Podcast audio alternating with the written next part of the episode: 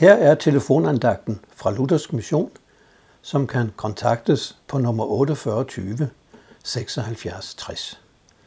Mit navn er Ingolf Munk.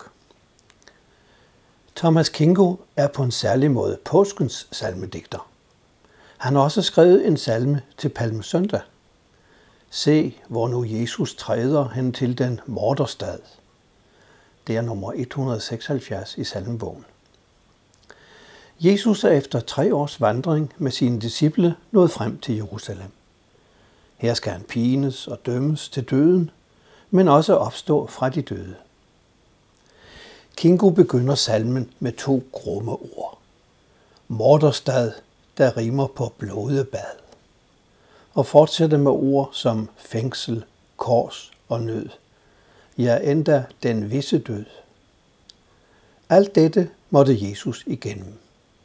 Se, hvor nu Jesus træder hen til den morderstad. Det er Guds søn, der er på vej til alt dette. Det er grofuldt. Men han gør det fri i sinde, altså frivilligt. Der er nemlig noget, Jesus vil. Han vil gå imod fjenderne, bekæmpe Satan og hans her. Han vil løse hver syndebunden træl, altså give syndernes forladelse og frelse ja evigt liv. Han vil trøste hver bange sjæl. Det vil sige hjælpe os, der for eksempel er bange for døden.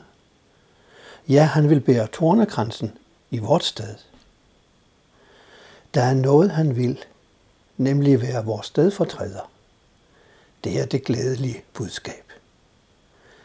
Da Jesus red ind i Jerusalem, råbte de Hosianna. De hyldede ham som konge, Davids søn.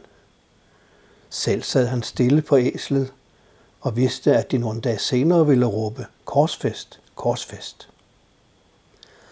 Lad os ære ham. Jesus er ærens konge. Lad os sige ham evig tak. Amen.